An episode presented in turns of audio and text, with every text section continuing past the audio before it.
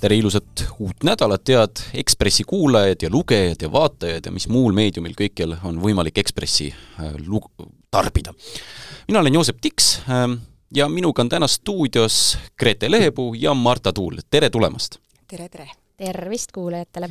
Võtame ette kolm teemat. Äh, leht nendest kõigist meil kirjutab, äh, üks on see, et kõik on kuidagi haigeks jäänud. muud juttu meil ei ole kuskil äh, kuulda, kui keegi ütleb, et minu laps on haige, mina ise olen haige, minu töökollektiiv on haige, kõik on nagu rajalt maha niidetud. ma arvan, meil on ka siin pisut niisuguseid nasaalseid toone võib-olla jutust täna sees. võimalik jah, see võib olla minu nina täitsa.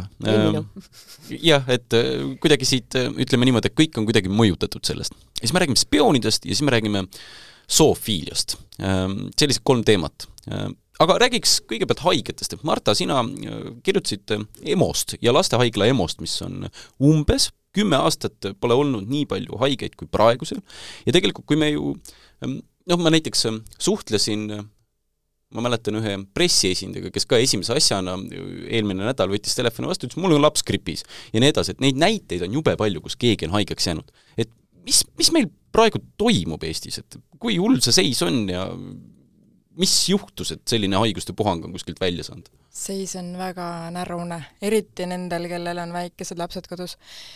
tead, me hakkasime ju seda lugu vaatama seetõttu, et äh, mitte ainult nagu meil kollektiivis on inimesed ja nende lapsed haiged, vaid ka sotsiaalmeedia kihab ju sellest, et jälle haige, just olin, nüüd jälle ja siis me vaatasime, võtsime aluseks tegelikult äh,, ei hakanudki alguses lastehaiglast kirjutama, vaid võtsime aluseks äh, Terviseameti statistika, puhta statistika. kas siis on haiged, kas tegelikult ka on inimesed haiged või see on lihtsalt niisugune et kas see on normaalne, iga talv tegelikult on ju inimesi just, haigeid? et äh, viirushooaeg ongi, praegu ongi viirushooaeg. aga kui me võtsime nüüd aluseks selle neljakümne kaheksanda nädala, kus me siis äh, eelmine nädal olime, siis tuligi välja, et ja ongi, nii palju haigeid pole detsembri keskpaigas viimased kümme aastat olnud, kui on sellel aastal. ja umbes pooled neist haigetest on siis lapsed. ja kui ma rääkisin siis erinevate meditsiiniasutustega, siis see, mis tuli lastehaiglast vastuseks, oli, oli päris nukker ja ma sain aru, et mitte ainult nagu lapsevanemad ei ole hädas, vaid lastehaigla ise on mures see tung on nii suur, et ei jõua aidata kõiki neid, keda tahaks aidata. no mis see koroonagripp, mis, mis haigused need on, huvitav? ja nii, see, mis mulle räägiti, oli oli siis see, et ähm, praegusel ol-, hetkel ei ole mitte ainult koroona, koroona on, gripp ka on, hooajad on alanud, aga hästi hästi äh, märgiline praeguse aja kohta on see, et on hästi palju erinevaid viirushaiguseid. seal olid äh, RS-viirused ja Rino, Noro kõik, kõik, mida saab koguda, seda saab koguda. ja miks see laste osakaal oli seal äh, hästi suur, oli sellepärast, et me tuleme, me oleme praegu koroona ajas olnud, issand, mitu aastat me oleme olnud? kolm, kolm, kolm aastat, okei okay ja et miks see Terviseamet on välja toonud, et just kaheaastased lapsed on need, kes on kõige suuremas, kõige suuremas ohus, on sellepärast, et Nad on istunud kaks aastat kodus koos oma vanematega, nad on olnud isolatsioonis, nad Neil ei ole kokkupuudet ega tekkinud immuunsust, mis tuleb välja, et tegelikult on hea kogu aeg natuke tatine olla, eks ole, sa saad kogu aeg mingisuguse värske doosi antikehi. jaa, just, just, on ju, et, et natuke haige on hea olla, et see teeb sind, mis ei tapa, teeb tugevamaks, on ju. Et äh, nendel lastel on siis see olukord, kus nad ei ole saanud neid, äh, neid haiguseid peale ja nüüd nad on sellises vanuses, kus nad on jõudnud lasteaeda lasteaias, kellel on väikesed lapsed, teavad, kolm päeva lasteaega, nädal aega kodus ole, istumist, eks ole. et äh, nad ja mitte ainult ei istu need lapsed kodus, vaid kõik need haigused tuuakse vanematele, vanemad viivad need töökollektiividesse ja siis see trall käib niimoodi nädalast nädalasse. täiskasvanud inimesed on ka, et ma mäletan siin Indrek Riikoja rääkis pühapäeval jah, olukorrast riigis, pool toimetust oli tal rivist maas ja tegelikult ega meil siin maja peal näemegi, et, et meil suhteliselt sama üks hetk. jah, et koosolekud on enamasti veebis, sest inimesed on haiged ja kodus ja ausalt öeldes paljud ei saa isegi veebigi ennast viidud, sest nad on nii rajalt maas täitsa. aga vaata, selle sama, selle pandeemia mõju on ka see, et eks me ju kibelemegi jälle koos töötama ja enam ei viitsi nii palju käsi pesta, maske enam keegi ammu ei tea, natuke nohune oled, noh, vahet pole, ma käin ära tööl, on ju, et, et meil on need vanad halvad harjumused tagasi tulnud, sellepärast et ähm, piiranguid ei ole ja riik meile ei tao enam pea sisse, et kuule, ära tapa end ja teisi siis, kopp on ees ka sellest kodus istumisest, eks ole. aga noh, mul siin, kui ma selle loo valmis sain, siis toimetaja ütles, et issand jumal, mis me siis tegema peame, et miks me jäämegi seda maski kandma või tegelikult ei ole nii. nüüd ongi see aeg, kus me peamegi haiged olema selle jaoks, et me jälle tugevamaks saaksime. nii et lõpp kuskilt paistab või? Et tea, detsember on möödas ja siis kõik on aastaga järjest terved. ei, ei, pimedad kuud alles tulevad, eestlaste vitamiinitasemed, D-vitamiin, kõik aina langeb.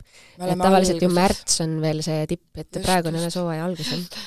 et see ongi see, et me oleme selle vihase hooaja alguses, nii et äh, ostke sibulat ja küüslauku ja küüslauku peske käsi Snu- ja arvan, hästi palju, noh, praegu on õige aeg võib-olla siis kas salvräti kogud või vetsupaberi kogud täiendada et jah, tuleb defitsiit, jah. ma ikkagi seda maski nagu ei demoniseeriks, et selles ja. mõttes ega Aasia maades ilmaasjata juba enne pandeemiat, enne kui see nagu üle maailma sai niisuguseks trendiks või kohustuseks, seal, seal on ju see norm, et kui sa tunned ennast haigena, lähed ühistransporti, sa paned maski ette, et teisi kaitsta enda eest. et võib-olla mm, Mask... kui ikkagi on vaja minna kuskile, mõtelda selle peale, et pigem ei ole niisugune ringi liikuv äh, pisikupomm. ja maski soovitavad kõik arstid ja Terviseamet ka, et kui sa ikkagi tunned ennast tõbisena, siis ja kodus ära, olla ei saa, on ju. ära siis vii seda tatitõbe oma kolleegile või tema lapsele, et sa kunagi ei tea, et mis seisus see teine inimene on, kes sinu tatitõve kätte saab ja võib-olla see tatitõvi on tema jaoks palju raskem. gripp on ikkagi raske haigus väikelastel ja kiire teemavahetus, ma leidsin selle sõna üles, millega vahetada teemat, seostada järgmist, mask. mask ja spioonid kindlasti on selline asi, mis ähm, võiks seostuda omavahel, et, et paned maski ette ja keegi aru ei saa. ja neid spioone siin sõjaga kindlasti on väga palju, aga jällegi üks on kuidagi Eestiga seostuda, seostatuna välja ilmunud. et ähm, Grete, täna öösel ilmus Ekspressis lugu mm -hmm. smuugeldusvõrgustikust, kus siis äh, üks Eestis vahistatud äh, luureohvitser, kes oli Venemaalt, kasutas nime kolonel, isegi mitte polkovnik, vaid kolonel mm. -hmm jaa, selle uudise avaldas USA justiitsministeerium, mida siis jagas edasi kapo ja loomulikult jah, USA ajavööndis, ehk siis meie jaoks väga hilisõhtul. ja esimesed, ähm, esimese uudise jõudis Delfi veel äh, avaldada juba, et selline asi on toimunud, et USA ametivõimud on siis tabanud ja esitanud süüdistuse seitsmele inimesele. Ja nad süüdistavad neid siis äh, terves plejaadis kuritegudest, alates dokumendi võltsimisest kuni sanktsioonide, sanktsioonidest kõrvale hiilimiseni. ja selle seltskonna äh, tuumik, võiks öelda, või ajud olid ikkagi Venemaal, äh, Nad, need on ettevõttes, mis on väga tugevalt seotud Vene sõjatööstusega, otseselt noh, nii Kaitseministeeriumi, FSB, igas muude luureasutustega, äh, kuni siis nagu Rossatomi ja tuumarelvade arenduseni välja. ja see ettevõte ei saanud enam äh, tegutseda, nende huvi on tuua Venemaale USA-s toodetud elektroonikat, mm, tuli, äh, ütleme, moon, laskemoona ja muud muud äh, kaupa, mida saab sõjatööstus kasutada, aga nad läksid sanktsioonide alla. Venemaal ei tohi neid asju eksportida, eriti ranged sanktsioonid on nüüd siis märtsist, kui äh, Ukrainas läks äh, täiemahuline sõda uuesti lahti, aga need sanktsioonid on juba varem ka USA-s. ja, ja siis ameeriklased hakkasid siis seda seltskonda jälgima ja pidevalt siis venelased otsisid, küsisid nagu siis kas oma USA-s elavatelt kaasmaalastelt või küsisid nagu nõu, et kuule, et äh, mis need seis, mis see seis praegu on, et kui me tahaks ikkagi neid mikrokiipe või pooljuhte või, või snaipri äh, kuule, äh, padruneid Venemaale saada, et kuidas noh, mis need variandid on, ja noh, laias laastus käis siis nii, et mõeldi välja ja rajati väga palju varifirmasid, varikontosid, võltsiti dokumente ähm,, esitati tellimus sellele USA no näiteks siis tõesti padruneid tootvale ettevõttele äh, mingisuguse teise ettevõtte nimel, ehk siis jäi mulje, et seda tellimuse, selle tellimuse teevad ameeriklased, tegelikult läbi mingisuguse kümne varifirma oli see lõplik äh, kasusaaja justkui ikkagi Venemaa, aga seda kuskilt välja ei paistnud, nii et siis need tellimused äh, tehti ka ära. saadeti läbi mitmete riikide, selleks, et jälgi peita, siis saadeti näiteks ähm, Hongkongi, sealt edasi kuskile Araabia maadesse, sealt edasi Türki ja siis lõpuks Venemaale. ja nüüd Eesti tuleb mängu selles, et, et üks selle võrgustiku osaline, kes sai siis ka nüüd äh, süüdistuse, äh, on Tallinna elanik, ta ei ole küll Eesti kodanik, ja tema roll siis oli ka leida viise, kuidas siis lõpuks kuidagi Eestisse see keelatud kaup, mis on jõudnud, mm, siis üle piiri Venemaale toimetada. ja ta tegi nüüd sellel sügisel näiteks kolm katset. Ta jäi, äh, sõitis ühel juhul siis, pani auto pagasnikku äh, kümneid kaste padruneid täis, sõitis äh, Narva piiripunkti ja püüdis sealt minna üle Venemaale, aga jäi vahele. ja nüüd siis kuuendal detsembril lõpuks ta siis vahistati ja otsiti läbi temaga seotud ähm, kinnistuid ja näiteks tema poja nimele kirjutatud garaažist leiti sada seitsekümmend kilogrammi äh, lõhke või ütleme siis laskemoona. Ehk siis selline nagu sõjatööstuse sanktsiooni põiklejate võrgustik, ma ütleks, aga, aga spioonidena ütleme siis see Eesti tegelane, jah, ta on väidetavasti siis FSB ohvitser ähm,, ja ütleme, võib, selles mõttes, et ta ju ei saatnud kuidagi mingisuguse allveelaevaga neid padruneid üle Narva jõe, et ta ikkagi püüdis neid nagu viia, ja ma saan aru, et Eestisse, ma võin siin muidugi eksida nüüd, aga et, et Eesti iseenesest ei ole see sanktsioneeritud riik, et Eestisse võib neid asju eksportida.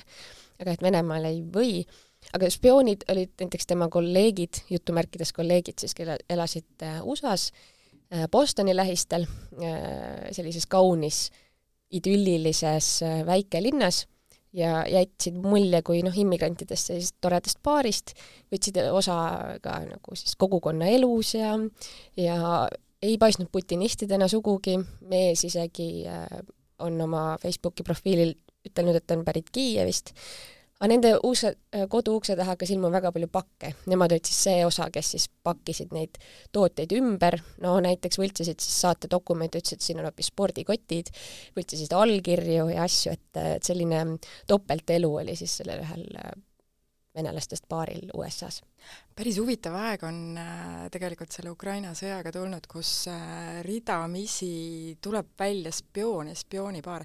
ma ei tea, kas te olete näinud niisugust äh, sarja nagu The Americans? see on selle, ütleme, USA ajakirjanikud on täpselt toonud selle paralleeli et vot siin on jälle see näide sellisest klassikalisest topeltelust. no just, ja hiljaaegu, kas see oli kuu või kaks tagasi, vahistati samasugune spioonipaar Rootsis, kes elas samamoodi sellist idüllilist pereelu, tegelikult olid kümme aastat Rootsis äh, luuranud. ja natuke varem USA-s äh, vahistati samamoodi vene juurtega ähm, naine, kelle abikaasa töötas arstina päris kõrgel positsioonil ja, ja temal siis ähm, Vene luure eesmärk oli siis saada selle mehe kaudu äh, teada, millised on äh, USA armee meditsiinilised võimekused ja, ja, ja kõik see, see pool. ja, ja mingisuguse nipiga see mees tõesti oli valmis nagu koostööle, kuni ta vahele jäi. päris huvitav küsimus on see, et kas see, kas see, et need äh, nüüd niimoodi välja tulevad, on, on omaette infooperatsioon? või arvan, see on hoogustunud ka... praegu lihtsalt kuidagi? jah, me, me paneme ka tähele rohkem neid asju ilmselt. ma arvan, et juhul, kui need tegelased, kes selle skeemiga smuugeldamisega siin seotud olid, äh, on luurajad, ongi sellised sleeper agents'id, ähm, siis see on ju tohutu näite sellest, et vesi on ahjus. et kui sul on luure, keda sa kasutad selleks, et pappkastidega moona Venemaale smuugeldada, aastakümneid välja treenitud ja saladuses hoitud inimesed, kellesse on tohutult ressurssi, aega, äh, saladust suunatud raha, ja raha jah, et, et nüüd, et nüüd nad on lihtsalt suvalised pappkastidega smuugeldajad et see, see, seal jääb mingisugune tohutu lõhe minu peas sisse, et sa ei saa kasutada sellist inimest selle jaoks, et see on umbes nagu ähm, Tallinki boss hakkaks äh, ise neid laevu, laevadega aerutama või midagi sellist, on ju, et, et noh, see, see on tohutu selline ähm, väärkasutus ühe äh, väga hea ressursi peale. no mm, see on võib-olla oletuslik, et me tegelikult seda tausta veel, veel kaevame siin ja ma arvan, neid lugusid veel selle, selle mehe taustast on tulemas mine tea, ma ei tea, mis, mis auastme näiteks Herman Simm sai. et, et ma olen aru saanud ka, et, et Vene et agentidel ütleme siis nagu spioonid, kes, keda siin Eestis värvatakse, et ega neid ju suure rahaga üle ei kullata, pigem on see mingisugune maailmavaateline, mingisugune manipulatsioon, manipulatsiooni üks osa on ju ka see, et sind äh, ei, sulle omistatakse ma, mingisugune kõrgem nagu auaste. ma ei, ma ei mõtle üldse seda, mille, kuidas neile tasutakse, vaid mis nende ülesanne on. et kui su ülesanne on infole ligipääs, siis sa oled spioon, kui su ülesanne on äh, padruneid üle piiri viia, siis sa oled smuugeldaja ja neid kahte ühendada omavahel on väga raske. sellepärast, et sa selle infole ligipääseja tood automaatselt väga suure riski alla sellega, et sa saadad ta padruneid üle piiri vedama. sa, sa tahad teda nii saladuses hoida kui vähegi võimalik no see siis nähtavasti ei olnud see spioon et, et, et ta, ta oligi sanktsioonidest kõrvale või, või neil on tohutu vesiahjus ja kriis, neil ei ole kedagi muud kasutada enam, ma ei tea, ma ei tea. igatahes väga veider näide. aga spioonist ma, mul ei ole nüüd ühtegi head üleminekut siin, kuidas nüüd seda lugu seostada järgmisega ja järgmisena räägime, Mattias siin nädalaid-nädalaid, isegi kuid võib-olla vaatas ja uuris, mis asi on zoofiilia ja kes on need Eesti zoofiilid, kes seal tegutsevad, ehk siis selgus, et tegemist on üpriski halli alaga. et noh, kindlasti paljud loevad ja itsitavad äh,, aga äh, küsimus on ju see, et kuidas selline asi legaalne Eestis saab olla, et Mattias tegi ka sinna kaardi, kus vaatas ülejäänud Euroopa liite, Euroopa riike. Äh,, olid seal vist Valgevene, Venemaa, Eesti ja mingid riigid olid veel, kus see oli noh, ütleme kas hall ala või legaalne, et ei saagi ja, täpselt aru, et mis sellega idablokki sellega, et siin ei ole konkreetselt keelustatud Just. loomadega seksimine või ka loomaporno tegemine näiteks. et läänes see on, see arutelu on peetud, see seisukoht on võetud, Eestis sellist asja pole kunagi kuidagi arutatudki, ma ei tea, et oleks või, või mingit seisukohta selle üle olnud. ja ma, ma, ma ei tea, kuidas teie ütleksite, kas see peaks olema keelatud või mitte, ma arvan, et ma isiklikult eeldan, et me oleme vist kõik sama meelt siin laua taga. ikka, ikka keelatud jah, et see et, et, et ühelt poolt mulle tundubki, et nagu mis siin siis nagu arutada on või et siin ei olegi mingisugust debati kohta, muidugi Mattias ise on selle asja ju kokku võtnud nii, et, et tema äh,, ta on vaadelnud seda mm, arutelu, ütleme, ta kirjutas kunagi ju loo mehest, kes tungis sisse tori hobuse tallidesse ja seal väärkohtas ühte hobust ja, ja selle järel tekkis ka siis arutelu, kus loomakaitsjad ütlesid, et meil on seaduses lüngad sees, palun Riigikogu, võtke, tehke oma tööd ja parandame need asjad ära. ja siis öeldi, et noh, ma ei tea, kas siin nüüd siis tähtsamat teemat ei ole, et siin mõnekümne inimese pärast ähm, äh, võtta terve suur protsess ette ja kulutada aega ja raha. ei, see, see peaks olema küll, sest et see on see, kuidas me riigina mis, kehtestame, on ju, mis on meie normid, mida me peame õigeks ja asi ei ole, noh, asi on loomakaitses ka, aga, aga ikkagi nagu anda ka see signaal, et millises ühiskonnas me elame, millises moraalses ruumis. jah, et kui me ütleme, et see ühiskondlik äh, norm, et meie ühiskondlik norm lubab loomadega seksida, siis äh, tuleb äh,, tuleb Riigikogul ka võtta avalikult vastu seisukoht, kus nad ise oma näoga ütlevad, et jah, see on aktsepteeritav norm, et kas tõepoolest et äh, vot üks ma... meie kolleeg tegelikult esitas minu arust nagu väga huvitav sellise äh, moraalse punkti äh,, enne me arutasime seda ka, ta rääkis, et noh, me niikuinii väärkohtleme loomi. on nad, on ju, tallis kinni ja nii edasi, me, meie sööme neid, noh, mõelda, mis on looma heaolu seis, seisukohalt parem, et kas siis äh, noh, tõenäoliselt nad on ka selles äh, vahekorras siis, ma ei tea, vahepeal ka rõõmsad või mitte, aga ka ärasööduks saada ei ole kindlasti loomale hea, on ju. Äh, ma, ma isiklikult arvan, et see ei ole õige loomi süüa, aga me ühiskonnana, ma ei usu, et kunagi tuleb see punkt, kus me keelame selle ära ähm,. Aga nüüd ma mõtlen, et need ei saa olla kaks samasugust debatti, seal ei ole niisugust universaalset võtmekest, mis ütleb, et looma heaolu ähm, peaks olema selle vaidluse kriteeriumiks. et see kriteerium minu arust on pigem see, et me ei vaata mitte looma, vaid me vaatame inimest ja me hindame, mis on inimese jaoks õige teha ja, ja vahekord kui selline on ju agentsuse küsimus, et kas see teine pool saab aru asjast või ei saa ja loom kindlasti ei saa, tal, loomal ei ole vahet, ma arvan, et ta võib diivanipadjaga ka olla vahekorras ja tema jaoks kõik on ikka üks ja seesama. aga küsimus on ju inimeses endas, et me peame nagu üldisemalt hindama, et kas inimene saab astuda noh, muidugi jah, nüüd me räägime ükskõik selles missuguses nende inimeste jaoks, kes seda harrastavad, on see parim võimalik variant, eks ole, et kui aga... nad ise sellesse... seda on, on jah kirjeldanud umbes seal foorumites, et, et see on nagu seiklus nad võtavad seda võib-olla nagu fetišina siis äkki või mm? -hmm. aga, aga meie seisukohalt, kas, kas me saame öelda, et me saame inimesele keelata midagi, mis meie arvates on rõve? me saame keelata, nojah, et, et ma, me ei tahaks Eestis, et meil oleks, on ju, moraalipolitsei. muidugi mm -hmm. mitte, Ähm, ma ei taha ka ühiskonda, mis ähm, mis kirjutaks ette mingisuguseid, ma ei tea, omavahelisi väga suuri reegleid, on ju, et kuidas ma võin koos elada või ei või koos elada. sest kahe inimese vahel see... on selge, seal on mm -hmm. küsimus, on ju, et äh, kas see on võrdne võrdsega, on ju. jah, võrdne võrdsega mm. -hmm. aga nüüd, kui inimene on näiteks vahekorras seksrobotiga või, või lauaga või loomaga või nii edasi, on ju, et siis seal nad on ju kõik meie jaoks sellised äh, nii-öelda objektid, me ei näe neid subjektidena mm. -hmm. ja, ja looma puhul, kas me peame teda hindama subjektina või mitte, ta on, ta on selles mõttes, ta on ju elusolend.